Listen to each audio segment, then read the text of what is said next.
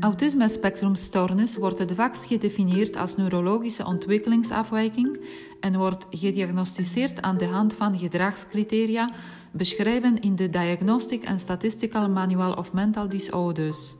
Volgens psychiater-psychotherapeut Dirk de Wachter het handboek bij uitstek voor de diagnose en statistiek van psychische aandoeningen, dat ook in de meeste landen als standaard dient in de psychiatrische diagnostiek.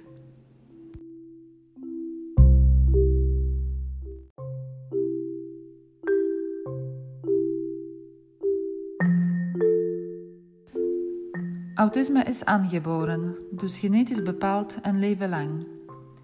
Deze biologische opvatting leidde tot de ontwikkeling van etiologie van autisme. Deze etiologie heeft bijgedragen tot de deculpabilisering van ouders van de autistische kinderen, tot het wegnemen van het schuldgevoel dat hen niet zelden werd aangepraat in de vroegere psychoanalytische benaderingen.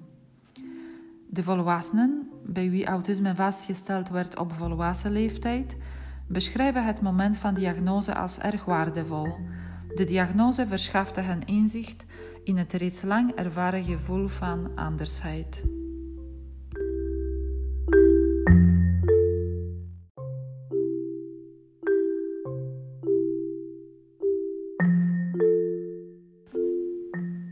Eenduidig statische biologische benadering van autisme ruimt echter stilaan plaats voor een meer dynamische en interactieve variant.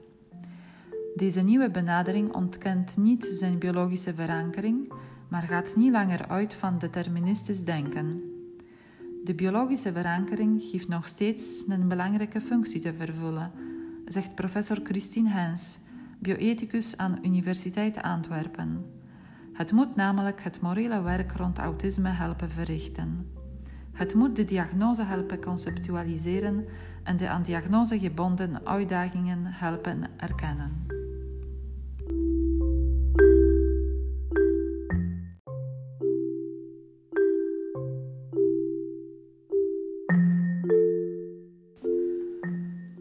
De nieuwe dynamische benadering wil dat autisme wordt begrepen met behulp van zinvolle wisselwerking van levens- en humane wetenschappen.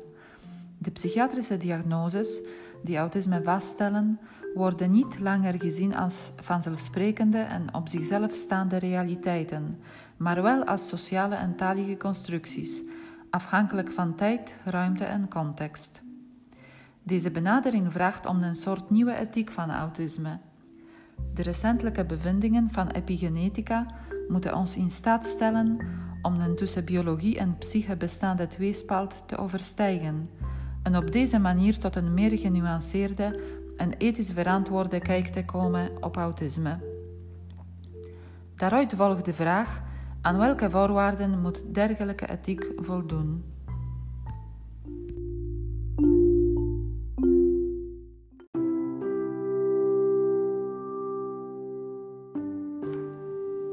Een van die vraagstukken is die naar wenselijkheid van prenatale screening.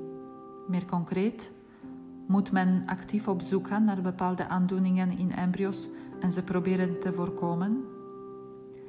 Als we besluiten autisme te conciperen als genetische aandoening, hoe ernstig moet deze aandoening zijn om te worden voorkomen?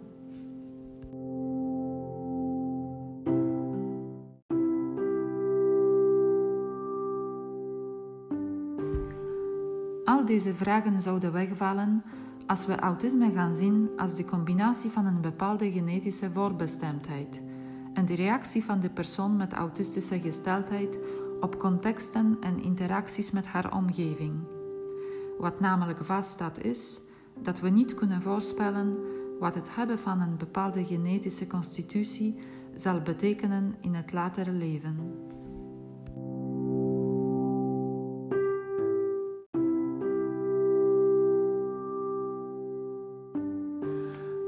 Er bestaat een wetenschappelijke consensus over de vroegdetectie en vroeginterventie. Maar deze consensus bevat nog veel onduidelijkheden. Beschouwen we autisme als stoornis die behandeld moet worden? Of zien we het als identiteit die dient te worden gerespecteerd? Is het de bedoeling autisme weg te werken? Dit lijkt in tegenspraak met de algemene opvatting van autisme als aangeboren aandoening Willen we autisme verlichten? Voor sommige mensen met autisme zijn het net hun autistische kenmerken die deze mensen maken tot wat ze zijn. Dus hoeven niet weggewerkt te worden, maar moet er wel rekening mee worden gehouden.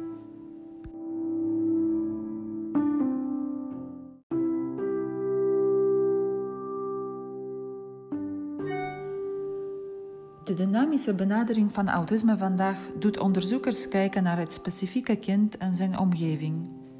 Ze zien dat autisme verschillende betekenissen kan krijgen doorheen het leven, die op hun beurt om een gepaste benadering vragen.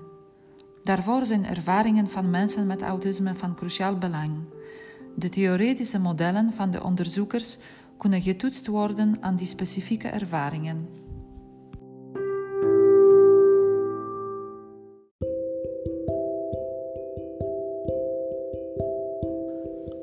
Uit onderzoek van professor Hens blijkt dat autisme een ongelijksoortig en meerduidig begrip is.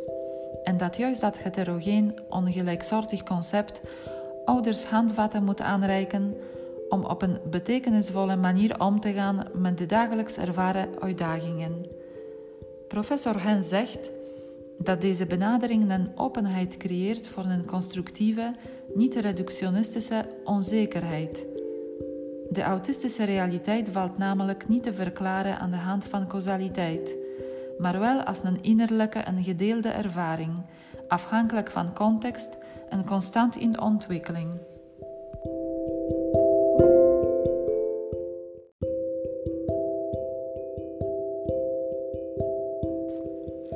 De centrale dogma van genetica gaat er eenduidig vanuit dat de genen de genotype bepalen. Maar zowel genetici als biologen stellen vast dat dit eenzijdig model bepaalde fenomenen niet kan verklaren. Epigenetica, die genetische expressie bestudeert, suggereert een meer dynamische concept van de menselijke natuur, van menselijke ziektes en stoornissen.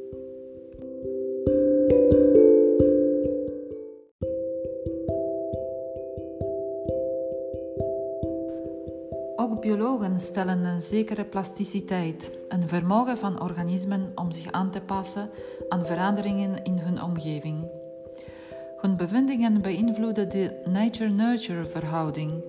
Hun observaties lijken een idee dat menselijke natuur universeel is te ondermijnen.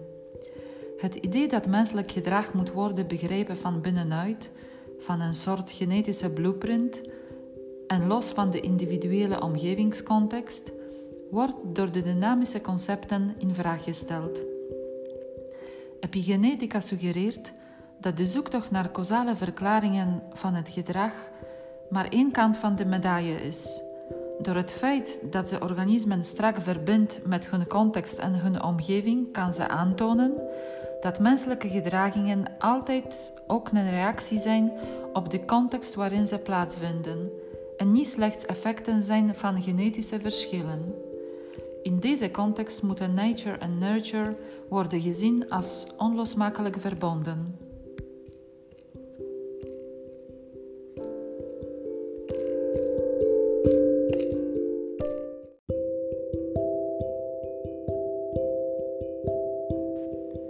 Sommige wetenschappers wijzen op de moeilijkheidsgraad van het bepalen wat vanuit het epigenetische perspectief als normaal kan worden beschouwd.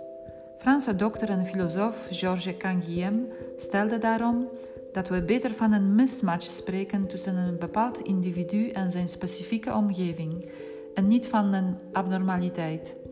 We kunnen, volgens hem, van pathologie pas spreken als deze mismatch resulteert in de door een individu ervaren biologische neveneffecten van deze interactie. Dus of iets als normaal of pathologisch wordt beoordeeld, hangt af van een individuele ervaring.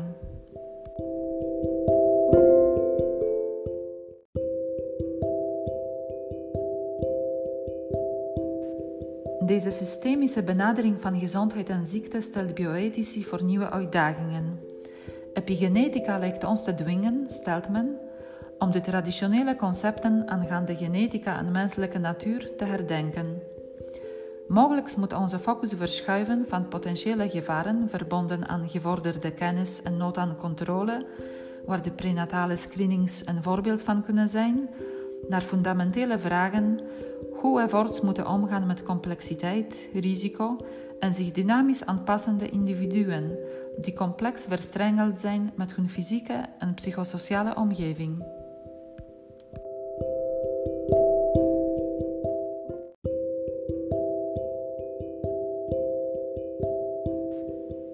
Implicaties heeft deze dynamische benadering van menselijke natuur voor autisme en ethiek van autisme? Er bestaat reeds een consensus dat autisme niet kan worden verklaard enkel vanuit de genetica. De bepaalde genen, geassocieerd met een autistisch genotype, worden beschouwd als een risicofactor. De recente onderzoeken tonen aan dat de omgevingsfactoren, zoals luchtvervuiling bijvoorbeeld, invloed hebben op de ontwikkeling van autisme. Zowel de omgevings- als psychosociale factoren beïnvloeden de genexpressie en zijn al zichtbaar op een moleculair niveau.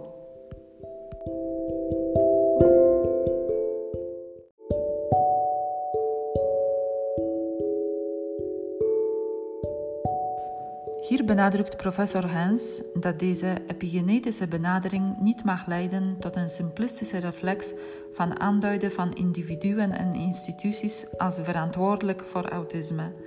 Deze benadering laat ons juist afstappen van een speurtocht naar één bepaalde factor en maakt beoordeling mogelijk van individueel gedrag, rekening houdend met zijn genetische kwetsbaarheid en als een betekenisvolle reactie binnen de gegeven fysieke en psychosociale context.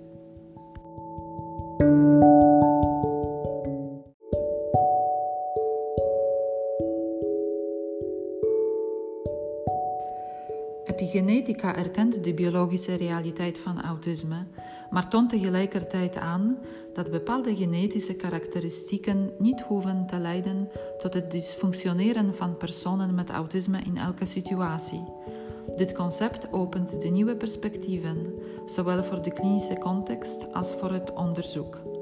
De vragen betreffende vroegdetectie en medische interventie hoeven niet langer te focussen op een vroege detectie van autisme of zijn biologische indicatoren, maar kunnen leiden, door middel van een constante dialoog, tot zoeken naar afstemming tussen het individu en zijn context.